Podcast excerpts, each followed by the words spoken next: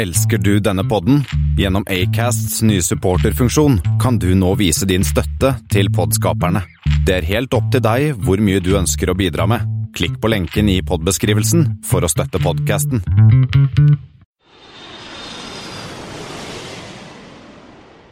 Hei og velkommen om bord på flypodden Flight 17, da vi i dag skal snakke om gamle fly i Iran, eh, kinesiske flyplasser eh, og litt mote, kanskje. Eh, det har blitt 29. mai, og som vanlig sitter Kristian Kamhaug. og Thomas Lone og skal nerde med deg her de neste tre kvarterene. Ja, som eh, Thomas, du sa, Thomas, så skal vi innom både fashion og sanksjoner, og vi skal eh, Tittelen da er jo Midtens rike, eller Kina. Eh, Og vi har fått med oss min tidligere kollega Henrik Salte, som jobber i PR-byrået Gambit Hill Knowlton, hvor jeg også jobbet tidligere. Og han kan mye om det å gjøre business med kinesere, og snakker kinesisk selv, og har vært på en 20-talls flyplasser i Kina.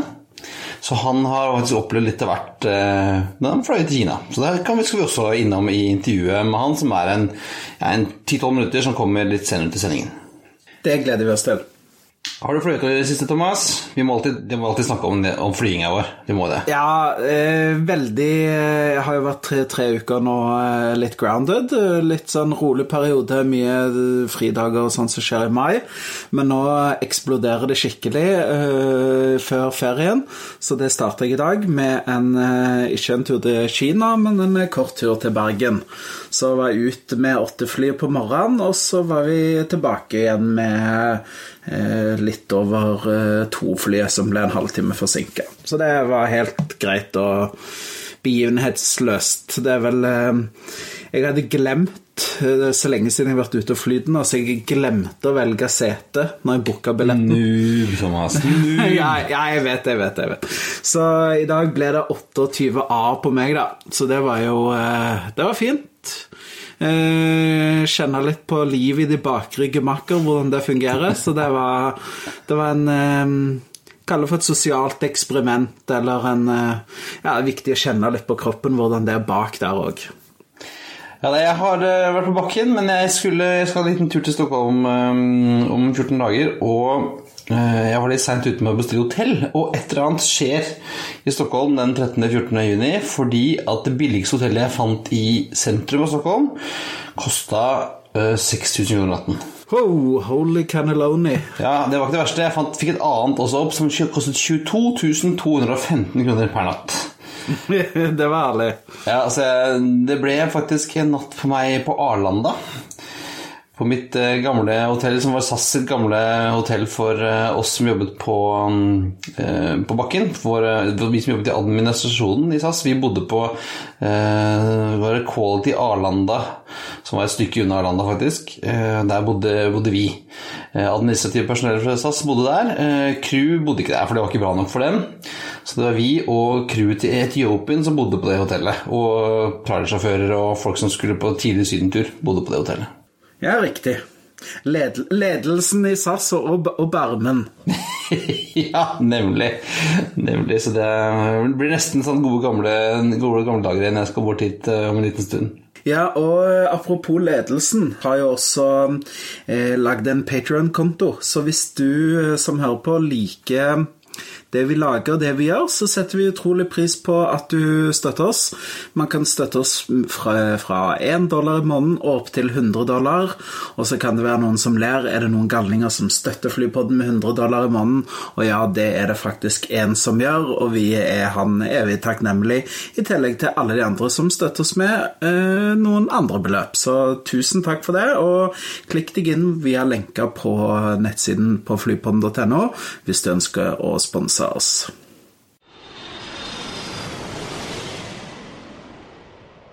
Eh, nå, det har skjedd litt ting i verden siden vi var på sist uke, og en av de kanskje ikke de viktigste tingene, men eh, vi i Flypodden er jo noen eh, kondisører av herremote, i hvert fall eh, noen av oss, så vi må jo snakke litt om at Delta har fått Delta-ansatte har fått seg nye uniformer. Eh, og det er da 64 000 ansatte som da har fått ny bekledning. Eh, det er både folk som jobber om bord på flyene, terminalen, teknisk bakkepersonell. Hele gjengen har fått seg nye uniformer. I dag, faktisk. I dag, ja, og jeg syns at de ser ganske kule ut. Jeg. Nå er ikke jeg noen uh, sånn moteekspert, men jeg syns fargene er fine. Uh, jeg liker detaljene. Um, det eneste jeg reagerer på, er vel kanskje på han ene som har et um, sånn lommetørkle som matcher slipset. Det er vel litt no go, men bortsett fra det så, så syns jeg at de ser ganske kule ut. Ja, jeg syns også det. Jeg syns eh, som vanlig, nesten, vil jeg si, så har de gjort det mye bedre med damene enn mennene. Jeg syns eh, kvinneuniformene har blitt veldig veldig stilige. De er moderne, det er et stilig snitt, det er kule detaljer. Eh, en sånn liten, sånn liten rosett på skulderen som kan minne om en vinge. I, I, en sånn lilla De kaller den for passport plum, som er en sånn plommelilla farge. Eh, og grunnen til at jeg har valgt akkurat den fargen, som egentlig ikke er i Deltas eh, fargepalett, er sier at den passer godt til alle hudfarger. Uh, uansett om det er kritthvit eller svart, så uh, er den en, en, fin farge mot huden. Det, og det, det, kan jeg være enig i. Jeg syns det er en fin farge. Uh, og det som var inne på at, som du sa til meg, så har alle crew nå fått nye uniformer. Tidligere har de kanskje byttet ut det de kaller for above wing, som er altså de som jobber i, i flyplassen og på sjekken og sånn. Og så har du de som de kaller for below wing, som er Eh, stuer og teknikere og sånn, og så har du kabin eh, og, og cockpit i tillegg. Nå har altså alle fått nye uniformer på en gang, og de har liksom lagd et, et, helhetlig eh, bilde. Vi har lagt et bilde på poddens, på poddens side selvfølgelig, som viser som hele spekteret fra teknisk til, til cabin. og jeg synes det er veldig stilig. Uh, fin bruk av farger, fine snitt på damene. På mennene har de gjort noe, noe, rart med, med, kragen på eller slagene på jakkene, som ser litt, litt uh, corny ut. Men ellers er det stilig gjennomført, og du uh, vil arrestere deg på at du sier at, at, at uh, lommetørkleet og slipset matcher. Det er jo de samme fargene, men ikke samme mønster. Um, slipset heter være noe, ganske ensfarget, mens dette lommetørkleet er uh, prikker. Og de samme, samme mønstre går igjen i skjerfet til damene. Uh, og så har de også fått designet noen fine, fine, håndvesker som ser faktisk veldig veldig smashing ut, med Delta-logo på. Uh, og dette er designet av en amerikansk designer som heter La meg finne fram datene mine Som heter så mye som Thomas, Zack Posen. Zack Posen heter han. En, en kjent designer. Og så har de jobbet sammen med eh, det amerikanske motemerket Lands End. Um, for liksom å ta fram uh, uniformene. Og gjort En ting som de har jobbet mye med, er at det skal være, enkelt, det skal være, være sånn behagelig å gå med. Det skal være enkelt å vaske og rengjøre og sånn. Uh, og så har de også ganske mange forskjellige varianter som man kan spille på. Så det er en stor åpning for uh, individuelle tilpasninger tror jeg, av, av uniformene. Eh, det ser ut som de har gjort en god jobb med sånn ganske langt arbeid med å ta de ut, ta de fram. Eh, og det, som, det, jeg syns det ser veldig smashing ut. Særlig dameuniformene syns jeg er helt flotte. Ja, det er jeg helt enig i. Eh, en annen ting som jeg bitter meg litt merke i, er at jo en del av disse her som jobber på bakken, um, har jo da på disse jakkene og refleksvestene og alt de har, har de jo det amerikanske flagget på, på, på venstre arme. Uh, og det tenker jeg, det ser man ikke så mye her i Europa f.eks. Med, med uniformer, og det blir mer klassifisert som militært med en gang. Så det syns jeg var litt sånn eh, Ja, beit meg litt merke i det, da. Ja, det ser, det ser jeg nå, ja. ja. Stemmer det. Det er veldig, veldig patriotic, vet du. Veldig patriotic. Ja. ja, men det er, jo, det er, jo, kultur for det i USA, så det gir sikkert godt gehør der. Men det var bare en sånn ting som jeg ja, syns var litt sånn pussig, da. Men eh, ja, det er vel fordi at vi ikke er vant til det. Nei, Alt i alt så syns jeg at den eh, lineupen med uniformer her eh, fortjener hele fire jetmotorer, syns jeg, altså. Fire av seks jetmotorer, ja. det er mer enn godkjent. Så da setter vi strek for nye dagens moteprat, og så kan vi heller snakke litt om noen som har vært ute og lufta sjekkheftet sitt. Noen venner nede i Baltikum, Christian. Ja, nå er det jo den store EBAC-utstillingen i Jeg husker ikke hvor den er i dag, men um, hvor de har vært ute og fortalt at de skal kjøpe enda flere C-Series. De har jo bestilt 20 allerede, eh, og nå uh, la de en bestilling på 30 Bombardier CS 300 med opsjoner på ytterligere 30. Så den, basert på, på listepris så ligger det da på mellom 3,8 og, og 7,7 milliarder dollar. Eh, det er en ganske stor investering. Det er den største investeringen i enkeltinvesteringen i Latvias historie, eh, ifølge han transportministeren. Så det er et stort løft, eh, og det betyr også at nå etter hvert som de får flere og flere uh, C-series inn, så kommer de til å ta alle skytterskinnene ut, og etter hvert også Q400-ene. Det vet jeg med en del kollegaer av meg som har flydd mye til Riga i det siste, uh, kommer til å være veldig glad av å høre at, at Q400 forsvinner på, på Oslo Liga. Ja, og det er jo eh, altså sånn som Air Baltic nå, at de standardiserer rundt en enhetsflåte, at de gjør disse investeringene her, syns jeg er tøft. fordi at det, det har jo vært trøblete å dreve, drive flyselskap i ja, Man så jo Estonian Air som gikk konkurs her for noen år tilbake og litt sånn, men Air Baltic har på en måte funnet litt seg en nisje, har blitt et selskap som, som opererer bra ut, ut derifra. Det er liksom Ja, det, det virker som nå, nå satser de friskt, og det, det er noe som jeg applaudere. Eh, samtidig så ser vi jo òg det at eh, med, med C-Series nå at det er flere og flere selskaper som, som eh, har tatt den i bruk og bruker den nå. Og, og de, de, leverer jo Maskinen leverer jo gode tall. Det er jo i forhold til driftssikkerhet og økonomi og alt, så er det jo viser seg å bli veldig gode maskiner. Ja, det var vel eh, han sjefen i Baltic som for litt siden var ute og sa at eh, på, på Fuelburn så leverer den jo langt over hva bombardierne hadde lovt. Og det er jo, det er jo sjelden kost at, at, faktisk operativ eh, drift er bedre enn, des, enn sånn design, da.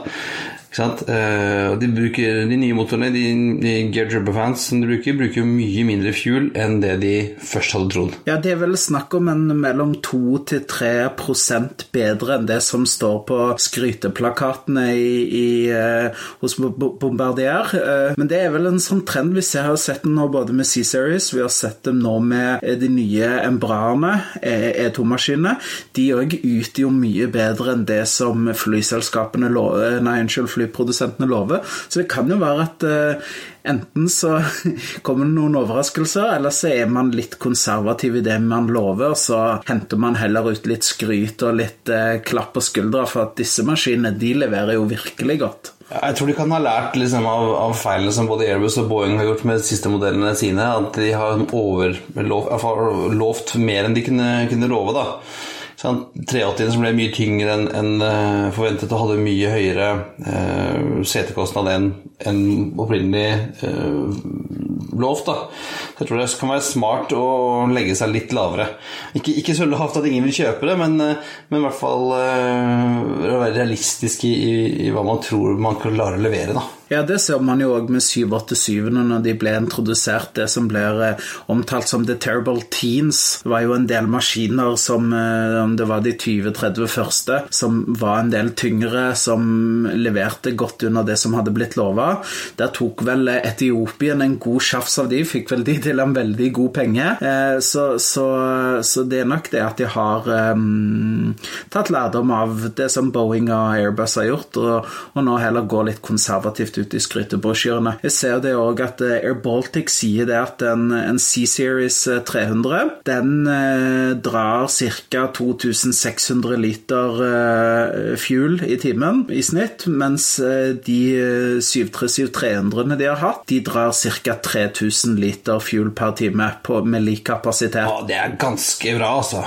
Det er jo en enorm forbedring. Ja, det er ca. 20 eh, bedre fuel-effektivitet per sete, som eh, er det Air Baltic da sier da, i forhold til C-Series 300 mot en 737-300. Ja, det, det, betyr også lavere utslipp uh, mer, og bedre, bedre, for miljøet å fly rundt med disse enn de gamle skytterskipene. Så det, det, er bra. Jeg har jo selv uh, fløyet Air Baltic på en litt sånn spesiell routing. Uh, jeg skulle til Barcelona med kona for noen år siden, og da endte vi opp med å fly Oslo-Riga Barcelona. Eh, det var litt gøy litt, fordi jeg syntes det var gøy å fly langt mer Baltic. Men eh, det var faktisk eh, billig og akademisk reise. Det var det faktisk den beste, beste rutinen. Var bedre enn enn via Tyskland, f.eks. Eh, og jeg har hørt om flere som, som tar ikke bare østover, for de har jo ganske bra rutenett eh, østover til Ukraina og Aserbajdsjan og nedover der, men også nedover Europa så kan man få ganske bra eh, deal fra Oslo via Riga til et eller annet sted. og um, Riga er en veldig, veldig effektiv flyplass å, å bytte, fly, både bytte fly på og å komme til og fra, må jeg si. Altså, jeg har vært der på Hangeren, og den er kompakt og fin og, og går unna. Og hvis du har litt, litt tid til overs, kan du alltids uh, kjøpe deg et par tøfler i tomaten som de har stående der. Ja, det stemmer, det husker jeg du nevnte. Men jeg, bare tilbake litt til C-Seriesen igjen, sånn kjapt, fordi at jeg leste litt på tallene, og det er utrolig imponerende. Eh, altså Uansett hvilket fly, om det er Airbus A319, Boeing 737, eh, Classic osv., eller en Avro som Swiss bruker, eh, som da har erstatta med C-Series 100, så ligger liksom fuelbesparelsen på mellom 20 til 25% så det er jo veldig bra. Jeg ser også det at f.eks.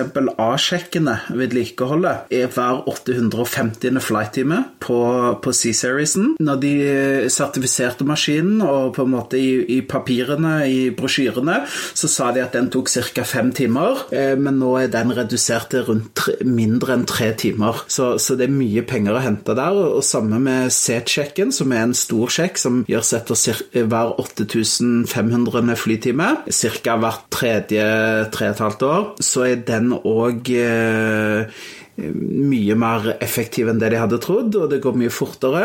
Og nå er også um, Bombardier uh, i gang med det å øke serviceintervallet til 1000 timer for A-sjekk og 10 000 timer for C-sjekker ved utgangen av neste år. Så, så, økonomien i disse maskinene blir faktisk bare bedre og bedre ettersom kunden tar det i bruk, og ettersom Bombardier kaller det kanskje å overlevere litt sånn oh, uh, i forhold til det som de har lovd. da, så så jeg tror at det er en maskin som vil få et langt og godt liv hvis, hvis eh, Bombardier og Airbus nå får skikkelig sving på salgsmølla, så tror jeg dette kan bli veldig bra. Det var jo veldig sånn touch and go lenge der, det var jo vanskelig å få bestillinger, og, den, og det har vært en sånn ordretørke. Vi får jo håpe at, at, at, at effektiviteten i maskinen gjør at flere vil, vil kjøpe den. og nå har jo, har jo Bombardier fått ganske bra med bestillinger både av disse og, og Air Baltic er jo nå den nest største, blir den nest største operatøren etter uh, Sky, Sky West. Um, det amerikanske selskapet som også kjøpt. Så det blir veldig spennende å se. Og nå spørs det hvor lenge den kommer til å hete C-Series. da, Thomas? Det kan jo være at han får et eh, Airbus-navn, så det blir jo spennende å se. Vi ser her eh, sånn oppdatert, så er det per i går, faktisk, så er det 402 bestillinger på C-Series-maskinene. 123 100-maskiner og 279 300-maskiner. Så det er 402 totalt, og så er det 32 som er levert. Så de har jo en eh, god eh, ordrebok der. Eh, og jeg ser også at bestillingene har gått litt opp da i 2018. Det er nye 30 nye bestillinger mot kun 12 i fjor. Så, så forhåpentligvis nå når de kommer i markedet og viser, viser hvor gode de virkelig er, disse maskinene her, så vil nok bestillingene også øke på. Ja, og så kan det vel, kan det vel at det hjelper litt med at Airbus nå nå er, eh, kommer inn på eiersiden og kanskje kan liksom garantere for at faktisk flyene blir levert og, og vil uh, fly, bli, bli få et bra etter, ettermarked også. Eh, og så er jo Ryktene sier at den kommer til å endre navn da, fra C-Series til Airbus A200 og et eller annet. Det sier ryktene, så det får vi jo den som lever, få se.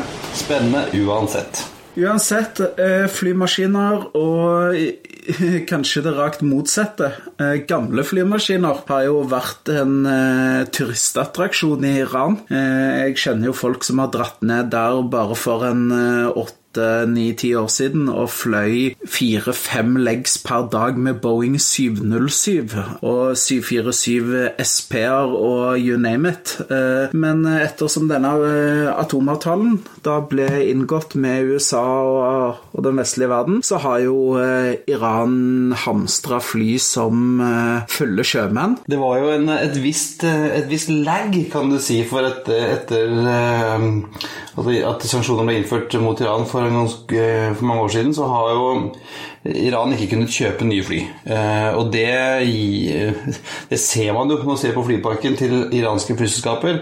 Jeg så en oversikt her fra, fra Flight Fleets Analyzer at passasjerflyene i Iran har en snittalder på 24 år.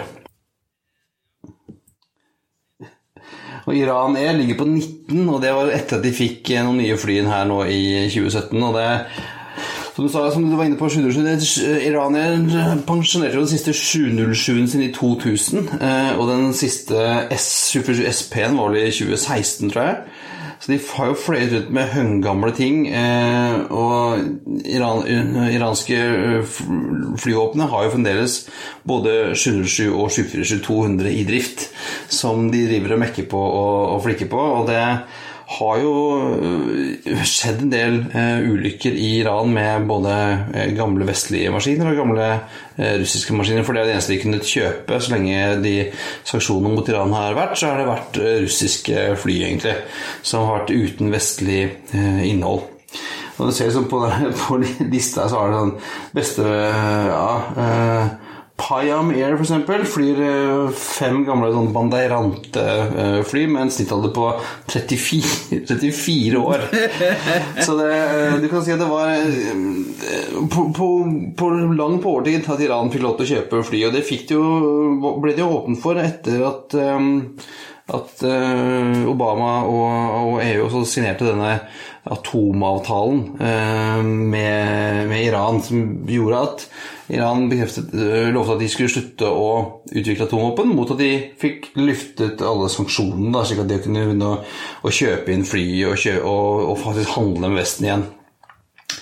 Eh, og Det gjorde at, at i 2016 så bestilte jo uh, iranske flyselskaper uh, en 118 Airbus-fly og 80 Boeing-maskiner og en 20 ATR-er til en sånn verdi av mer enn 40 milliarder amerikanske dollars.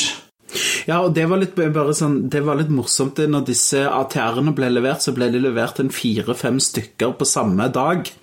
Så du så den konvoien av, eh, av ATR-er som tok av fra Toulouse og, og, fløy mot Iran. Det var litt stilig å se på flightradar. Bare en sånn liten digresjon. Det var vel den dagen at Iran Airs eh, snittalder på flåten gikk fra 27,5 til 19 år. Ja, det på dagen. Eh, og de var veldig stolte av det. Og, det, og, og Airbus har klart å levere én A321, tror jeg, og det var jo også en stor fanfare da den ble levert til Teheran. Eh, endelig kunne de få litt nye maskiner. Men nå ser det ut til at det er slutt.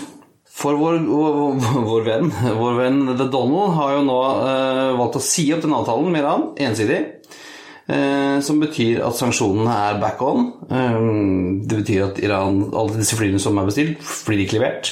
Fordi at disse sanksjonene sier at man kan ikke levere fly og annet utstyr som har mer enn 10% amerikansk lagd innhold i seg.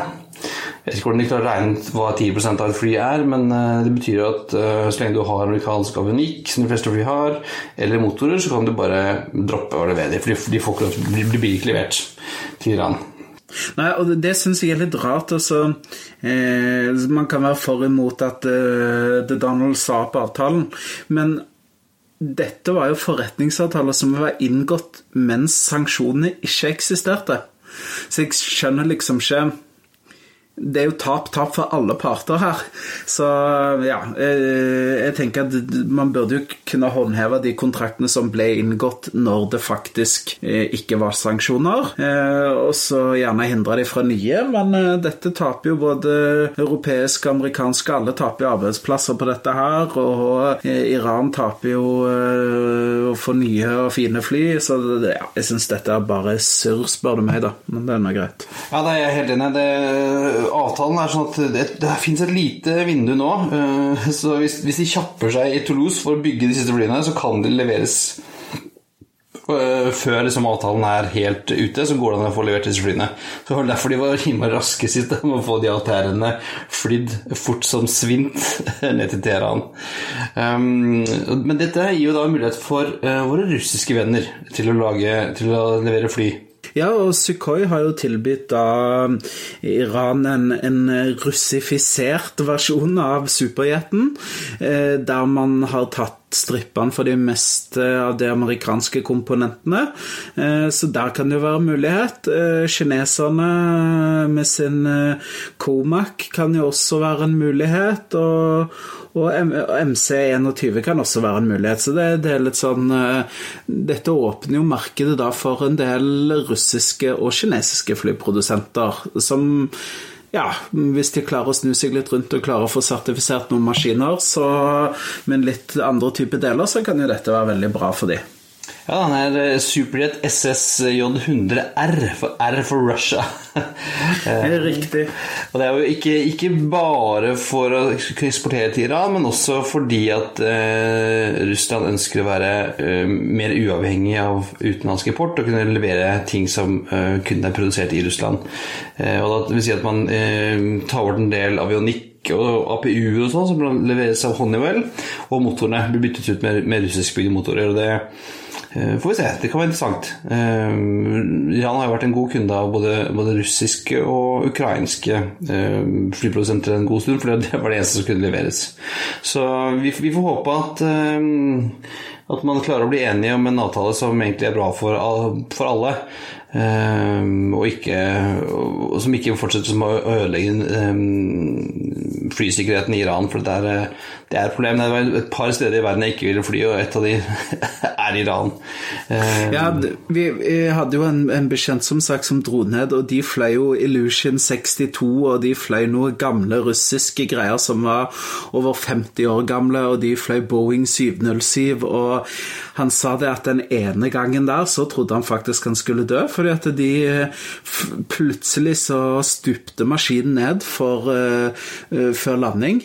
Uh, men så viste det seg at det var ikke noe teknisk. Uh, det var bare en VFR-trafikk som kom lavt og treigt. Så da bare dro 707-en over han, og så bare stupte ned mot rullebanen. Så ja da.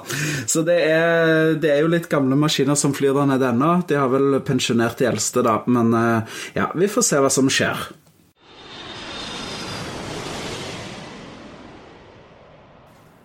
Men jeg har, eh, mens vi sitter her og spiller inn, så fikk jeg eh, og snakket om Bombardier, så fikk jeg inn noen nyheter faktisk på øret fra en eh, venn, friend of the pod, vår gode venn Espen. Han sa at nå er det bare å begynne å spare, fordi at Bombardier har jo da lansert en, i dag nå en ny linje med business jets. Jeg har ikke fått lest så mye på den, men ja, det er mye improvement i i um, forbruk av, av fuel. Eh, nye motorer fra Rolls-Royce, eh, visstnok. Og så er det da um, Den topplinja-modellen, den kan da fly 7500 nautiske mil rekkevidde. Det kan han da med en liten fått nye vinger, nye vingeprofiler, litt sånn forskjellig. Og jeg bare, mens jeg så, så det her, så sa vi hvis du skal fly 7500 nautiske mil fra f.eks. OSL, hvis du kjøper deg en sånn en businessjet, eh, Christian, så kan du faktisk fly helt til Argentina. Du kan eh, fly til store deler av Australia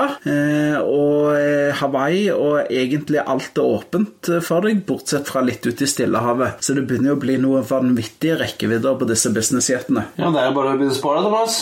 Det er det. Kanskje vi skal eh, gå sammen, Christian, og kjøre en sånn timeshare-modell på, på businessjeten.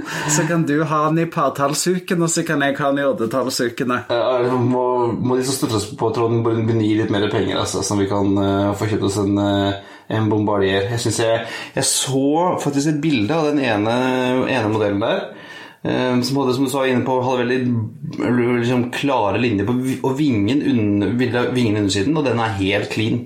Det er helt nydelig. Ja, så jeg eh, tror at vi er nødt til å jobbe mer mot å få oss eh, sponsorer på Flypodden som kan finansiere en sånn en. Kanskje vi er nødt til å få en oligark eller en sjeiken på, på sponsorsiden. For, og mens vi er inne på business jets, eh, Thomas, må vi nesten få med oss at uh, det har skjedd en, en litt trist uh, hendelse denne uken her. Ja, det har det. For uh, Serge Dassault var jo sønnen til alle som startet, laget, startet Dassault Aviation i Frankrike, som har bygd business jets og, og mye, my, mye andre rart. Jagerfly og alt mulig. Han døde denne uken. 93 år gammel. Ja, så det er jo på en måte Det er jo en uh, trist nyhet å få, men det er vel ikke helt uventa heller når du er 93 år. Nei, ja, Han har jo levd et, et langt og, og, rikt liv, kan du si. Ikke, ikke bare har han uh, vært som sjef og eier av Dassault, men har jo også eid uh, franske avisen Le Figaro, f.eks., og er jo en, en, fransk industrialist av de store. Så uh, vi får nesten dedikere denne episoden til Serge og hans familie. Ja, det får vi gjøre. Skal vi snakke om noe hyggeligere? Det er jo en liten føljetong. Våre venner i Air Belgium. Nå ja. har de endelig bekreftet oppstart, Christian. Ja, nå sier de at ja, de starter å fly til Hongkong Hongkong den 3. juni. Bekreftet. Klart. Bare å pakke, pakke kofferten og dra. Det hadde jo vært veldig gøy for oss. Vi, vi burde nesten ta en tur med Belgium bare for å teste det. Vi, vi, må nesten bare få til det. Kanskje vi kan Det er jo en del av disse her eh, mest ekstreme SAS-flygerne, eh, eller passasjerene, som bare flyr ned til Hongkong og snur i døra og flyr tilbake igjen. Eh, vi kunne kanskje tatt en overnatting i Hongkong, eller vi kunne gjort det, men vi bør få med oss Air Belgium en gang, altså, for nå har vi snakka så mye om de. Det har liksom blitt litt vår, vår følgesvenn her i poden. Ja, og hvis vi skal se på tidligere uh, oppstarter i Belgia, så uh, pleier det ikke å vare så lenge. Nei, det gjør det ikke, så vi må jo, vi må jo smi her mens jernet er varmt. Vi må få ut fingeren. Vi må få ut fingeren, helt klart. Eh, vi får håpe at de holder seg til slutten av juli eller august. Da har jeg godt med tid, Christian, så da får vi se om vi må få, få til noe da. Det er bra.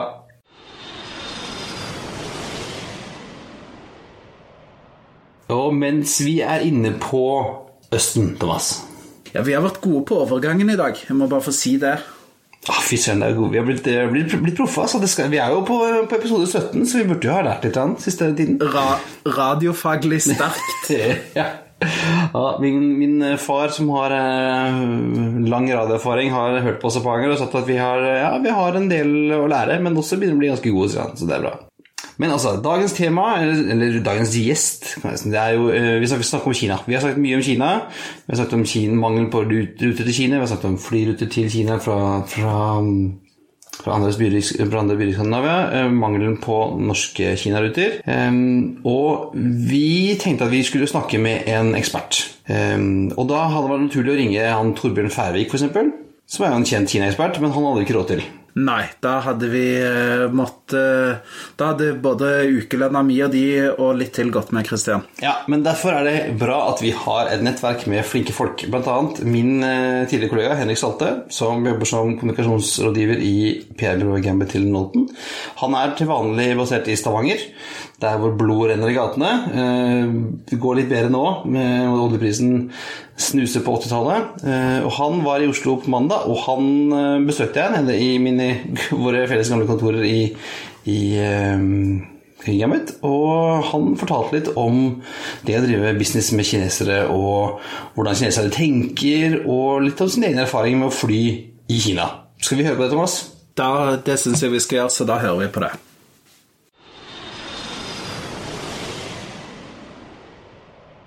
Ja, da sitter vi altså her i, eh, hos Gambit Hillen Nolton i Oslo sentrum. Vi trengte jo en Kina-ekspert, og siden uh, Torbjørn Færvik var litt for dyr for oss, så har vi heller tatt med min, min, gode venn og gamle kollega Henrik Salte.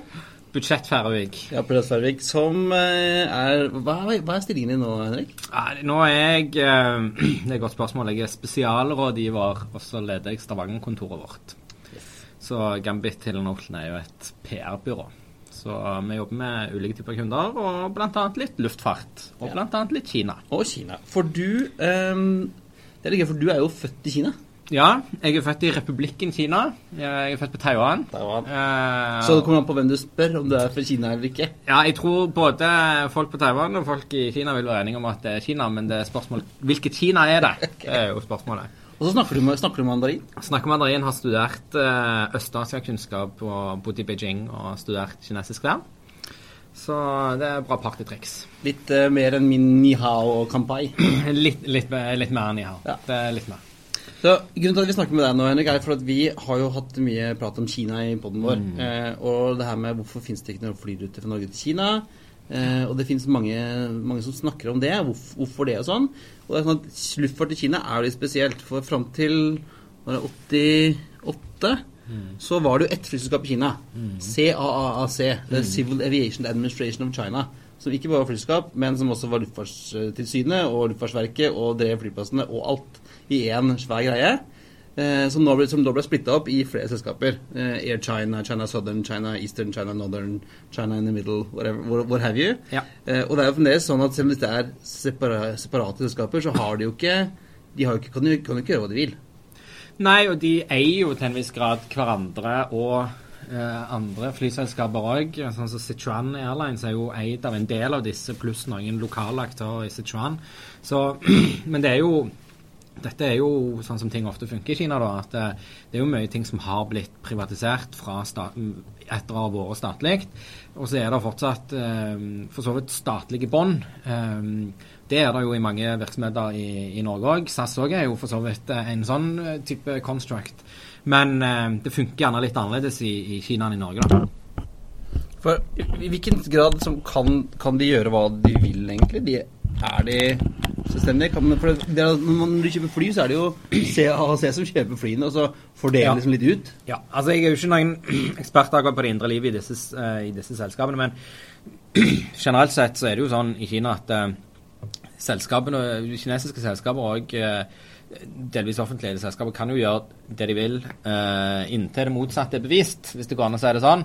Så det er jo vel så mye ris bak speilet um, som detaljstyring og detaljkontroll. Um, så det handler jo om at du må operere innenfor uh, noen rammer som ikke alltid er helt avklarte. Men hvis du klarer å holde deg innenfor de rammene, uh, så har han ofte ganske mye frihet. Og Det er jo en av de tingene som uh, kan være vanskelig å forstå som europeer når en er i Kina, er jo at eh, kinesere er ekstremt pragmatiske, og det gjelder jo òg eh, hos myndighetene og i partiet òg, at det, det er viktigere at ting fungerer, enn at det nødvendigvis er 100% etter sånn som det var designa i organisasjonsstrukturer og, og den type ting. Og hvordan er det når du jobber med kinesere? Er, er det sånn vi drar inn og skriver en deal, og så drar vi igjen? Eller er det mer sånn man må jobbe lenge med det? Altså, Kinesere og russere er jo litt like med at de har jo et evighetsperspektiv nærmest på veldig mange ting. ikke sant? Eh, Her i, eh, i Vesten så har en gjerne noen års perspektiver, mens i, i Kina så er, har en gjerne 100 år og 1000 års perspektiver på ting. I næringslivet er det jo ofte litt kortere, da, selvfølgelig, men, men allikevel, de, de har et annet forhold til tid. da. Eh, så en er jo avhengig av hva skal du si, tilstedeværelse og ha et langt perspektiv. og Det er jo ofte det som skaper litt friksjon når europeere skal, skal jobbe med, med kinesere, er jo at en har gjerne et litt annet, annet tidsperspektiv på ting. og ja. Og vi, vi i Norge var jo veldig lenge helt ute i kulda pga. Ja. av eh, en fredspris. Eh, og Yes. nå er vi visst inne, eller er vi det? Jo, alle signaler tyder på at vi er ganske godt inne. Eh, det er jo av og til litt sånn hiccups med fisken og sånn. Eh, men det handler jo vel så mye om interne hensyn til interne produsenter som eh, Hva skal vi si geopolitikken. Men eh, vi har jo gjort opp for oss, hvis det går an å si det sånn. Det har vært en klassisk sånn eh, Begge to har tapt, og begge to har vunnet litt. Eh, men jeg vil jo si det med fredsprisen òg er jo et typisk eksempel på at eh, i Norge så er det jo helt klart og tydelig at fordi vi har sagt at fredsprisen ikke er noe myndighetene har gjort, så er det helt tydelig at det ikke er myndighetene som står bak. Men i Kina så ville noe sånn òg vært veldig pragmatisk. Det hadde vært myndighetene som hadde vært involvert på en eller annen måte. Eh, og Derfor er det vanskelig for dem å forstå. Ehm, men eh, sånn Sånn som eh, politikken og næringslivet beveger seg nå inn mot Kina, så er det jo alle muligheter åpne for å etter hvert holde liv i noen direkteruter. Eh, og de, de forhandlingene gikk nok gjerne ikke kjempefort mens vi var i fryseboksen. Eh, men nå er jeg mer usikker på hva det er som egentlig har stoppet opp, for å være helt ærlig. Ja, og Vi har jo hørt lenge rykter om, og nå fått bekreftet også, for siden, at, at Avinor, som jobber med å bygge nye ruter til eh, Norge og Kina, får ikke lov til å bruke utenrikstjenesten i det hele tatt. Ja. Eh, hvordan, eh, hva hva syns kinesere om det? Er det ikke ganske naturlig at man har med seg diplomati og kan bruke ambassaden og sånn? Altså, det er jo nok en gang dette med pragmatismen, da. Eh, det vil jo være veldig unaturlig for et kinesisk selskap å ikke kunne spille på sitt eh, sine utenriksstasjoner når de skal ekspandere ut. Så eh, jeg tror nok eh, det vil bli sett på som litt rart, men det er jo, en, det er jo noe som det går an å, å forklare òg, selvfølgelig. Men eh, jeg syns jo òg det er rart at det ikke har vært flere kinesiske selskaper ennå egentlig som har snust skikkelig på, på fly til Oslo, samtidig som eh, SAS flyr jo direkte fra, fra både Stockholm og, Og København, ja. og København. Så eh, Nei. Eh, og dere har jo hatt en episode om cargo, og det er mye fisk som kunne ha vært i, i bagasjerommet. Og etter hvert så er det jo stadig mer samkvem òg eh, på forretninger, så det er jo mer og mer businessreiser nå som kan holde liv i noe sånt. Ja, og, og jeg kom, kom opp for å møte deg i Ja. dag, så er det jo kryr av kinesere her er, nede. det er kryr av kinesere, og det er, vi er jo en interessant high-end eh, turistdestinasjon for, for kinesere òg. Sånn at eh, det burde egentlig være godt grunnlag for et, for, eh, et selskap som f.eks. SAS da, til å frakte folk både den ene og, og den andre veien. Og det er jo ikke så veldig langt. Det er jo det fine. Ja, for det er bare over. Det er bare rett over. Eh, tror, så tror, tror du det har mer å gjøre med politiske ting enn kommersielle problemer? At ikke vi har noen rute? Det er et veldig godt spørsmål. Jeg tror kanskje det bare Hvis jeg skal gjette, så vil jeg ha gjetta at det er litt treghet i systemet. At det kommer. Uh, at eh, det har vært At ting eh, gikk i sirupfart uh, når uh, relasjonene var trege. Og så nå når vi er ute av fryseboksen, så, um, så har en begynt å se på det igjen. Men så for kineserne så vil jo vi havne i en kø. Det er jo ikke alltid så lett å forstå når en er i Norge at Norge ikke er verdens viktigste land. Men for kinesere så, så er jo Norge et ganske lite land. Eh, det bor like mange i Norge som det bor i én bydel i Beijing. Eh, mens, eh, mens for oss er det jo for så vidt veldig viktig å komme oss eh, til og fra eh, Kina. Så jeg, jeg vil tro at eh, jeg vil jo tro at de norske flyselskapene ser på dette, og så vil jeg tro at det er flere kinesiske òg som, som har, har dette i planene sine. Og jeg har òg hørt ting som indikerer det. Eh, men for kineserne så er det gjerne ting som har stått lenger fram i køen òg. Hainan skulle visst være på vei, men de har vel litt andre ting å stri med. De har litt andre ting å stri med. Der er, der, der er det eh, mer makroting som eh, de må stelle med. Uh, og det er akkurat den type ting jeg tenker på. da, At uh, det er nok mange som kan det er nok, Eller det er nok flere av de flyselskapene som vurderer dette. Men, uh, men som der gjerne ikke Oslo står øverst på prioriteringslista. Så vi kan konkludere med at vi tror det kommer, men kanskje ikke i morgen. Yes. Vi må ha et langsiktig perspektiv på dette òg. Det har vi.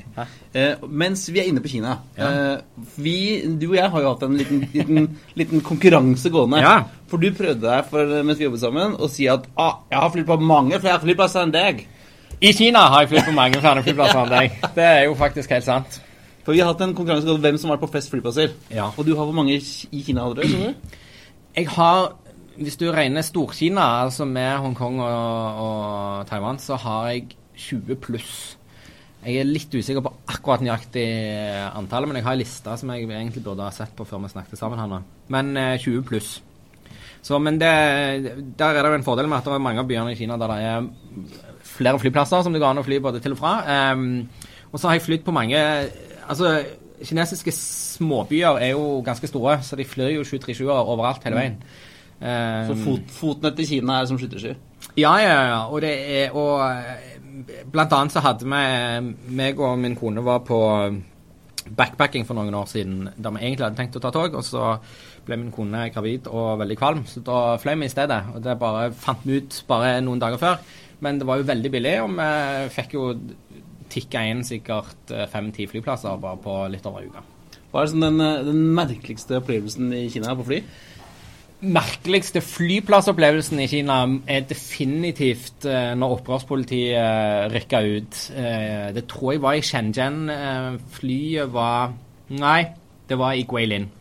Og flyet var, var to timer forsinka. Og da skal en jo få mat. Eh, og vi fikk mat, men den maten var ifølge en del av passasjerene ikke god nok, da, for det var bønner på boks, og det var ganske kjipt, egentlig. Så det tok helt av, og det ble opprørsstemning, og flyplasspersonalet begynte å bli banka opp, og folk heiv telefoner, og så kom politiet og måtte roe ned gemyttene, da. Så det dreieste flyplassopplevelsen, eh, mest interessante flyopplevelsen Ja, fordi var Sånne ting har vi, har vi jo hørt om. Det står jo Ja, ja. der. Men, så det var, det var helt helt kaos, liksom? Det var helt uh, Texas. Men, uh, men det er jo uh, Hva skal vi si? Kinesere eh, har eh, sterk uttrykkstrang. Eh, sånn at eh, det var en veldig sånn klassisk opplevelse, og ting roa seg når eh, politiet kom og, og klarte å få ro. Og det gikk veldig rolig for seg, men mine svigerforeldre som var med, de syntes jo dette var ganske kuriøst, da. Rareste, Kuriøst, ja. ja. kuriøst. Rareste flyopplevelsen, det var nok fra eh, Sanya på Hainan og til Beijing City, altså den flyplassen som ligger helt sørøst i Beijing. Der eh, Først så hadde alle passasjerene med fire bananesker med tørka frukt, så det ble veldig trangt i, i kabinen. Og så når vi kom fram, så kom vi fram egentlig midt på natta på en charterflight, så det var egentlig ikke terminal, det var mer en sånn stor garasje med en benk som de la all bagasjen på. Så det føltes veldig eksotisk, da. Langt ute i landsbygda, sånn sett, uh, utenfor Beijing. Så det var interessant. Ja. Og hvor mange flyplasser har du nå, Henrik? Er, det store spørsmålet er om en regner med eh, heliporter offshore eller ikke. Med heliporter offshore så ligger jeg rett over 70. Hvor mange har du, Kristian? Jeg har bikka 110, tror jeg. Nei, Det er helt håpløst, altså. Så, men lykke, lykke til med det, Henrik. Ja. Jeg trøster meg med at jeg er noen år yngre enn deg. Så jeg, det, ligger, det ligger litt foran sånn. Ja, bra. Takk skal du ha, Erik. Tusen takk, det var veldig hyggelig. I like måte. Ja, det var jo en veldig morsom eh, historie her i forhold til hvordan, hvordan man håndterer kanselleringer og, og sånt i, i Kina. Ja, altså vi som har vært med på, ja, på en del sånne eh, forsinkelser sånn på, på, in, inn, inn, i Europa, vi har jo liksom ikke We ain't seen nothing i forhold til disse, hva, hva, hva kineserne kan finne på. Og, nei, det, jeg, jeg trodde jo sånne ting var uh, litt sånn overdrevet, men uh, Henrik har jo vært med på det, og han sier at nei, det er, det er sånn det er. Opprørspoliti kommer og greier, det er helt kaos. Så um, neste gang du, hvis, hvis du er i Kina og flyr innenriks Kina og det blir forsinkelser, så anbefaler jeg å gå litt unna der hvor action er, i hvert fall. Men, eh, men det er jo interessant sånn som han sier i forhold til det Vi vet jo det, at det å drive business i Vest-Europa og i Asia, spesielt Kina, er jo to forskjellige ting. Men måten kineserne tenker langsiktighet på altså det, det sies jo at de gjør ting i et hundreårsperspektiv. Eh, Det er jo noe som i en stor grad er kanskje litt forskjellig i forhold til her i Norge og, og Norden og sånn. Der, og Europa, der man gjerne jager etter de kortsiktige profittene, man jager etter kortsiktig gevinst, så, så gjør Kina They're in for the long haul, som det heter. Altså de, de har en, eh, en utholdenhet og et perspektiv på den, det de gjør, som, som jeg, jeg tror er vanskelig for mange å fatte her i ja, si Skandinavia, da. Det er vel kanskje bare Wallenberg-familien som, eh, som er tenker på der, samme ja. måte her. Ja, sant. De, de bygger for generasjoner. Ja, og så kan så liksom ikke glemme at mens vi, våre forfedre, løp rundt eh, med øks og kappa hodet av engelskmenn, så hadde jo kineserne helt annet, en helt annen sivilisasjon. Altså, de har liksom holdt på med dette her mye lenger enn oss.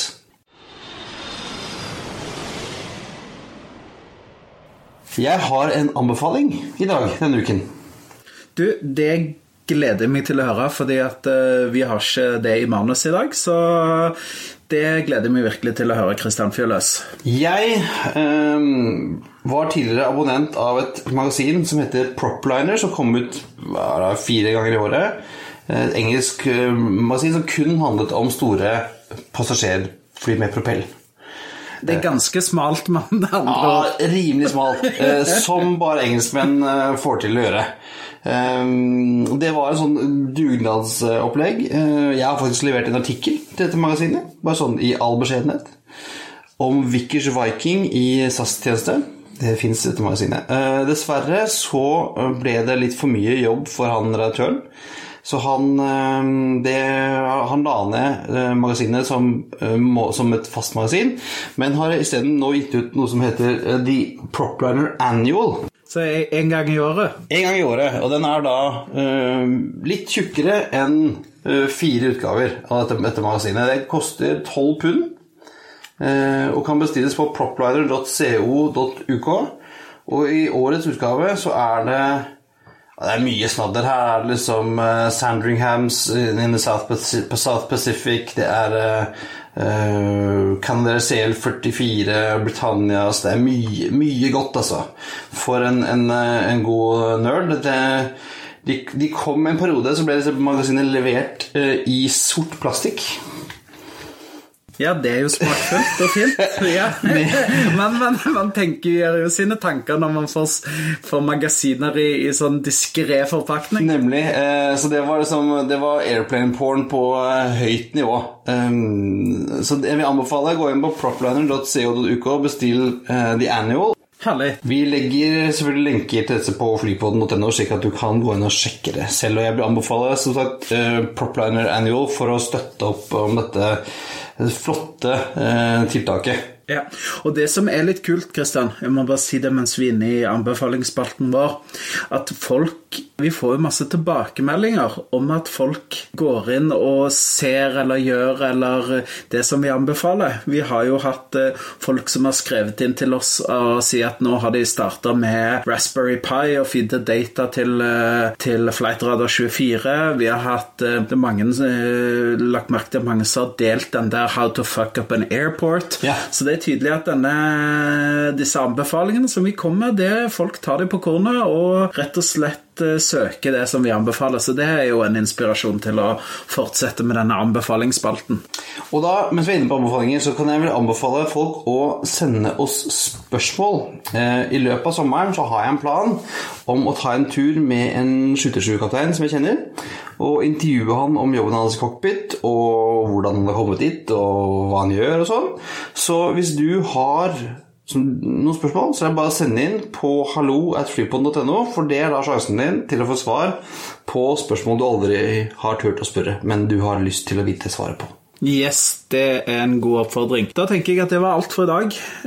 Gå inn på flypodden.no for å finne linker til det vi har snakka om i dag. Ikke glem å abonnere på Flypodden i iTunes eller i din podkast-app, og gi oss gjerne en fin rating der dersom du syns at det vi driver på med, er bra. Du finner oss også på Twitter, at Flypodden, på Instagram at freepoden og på facebook.com slash freepoden.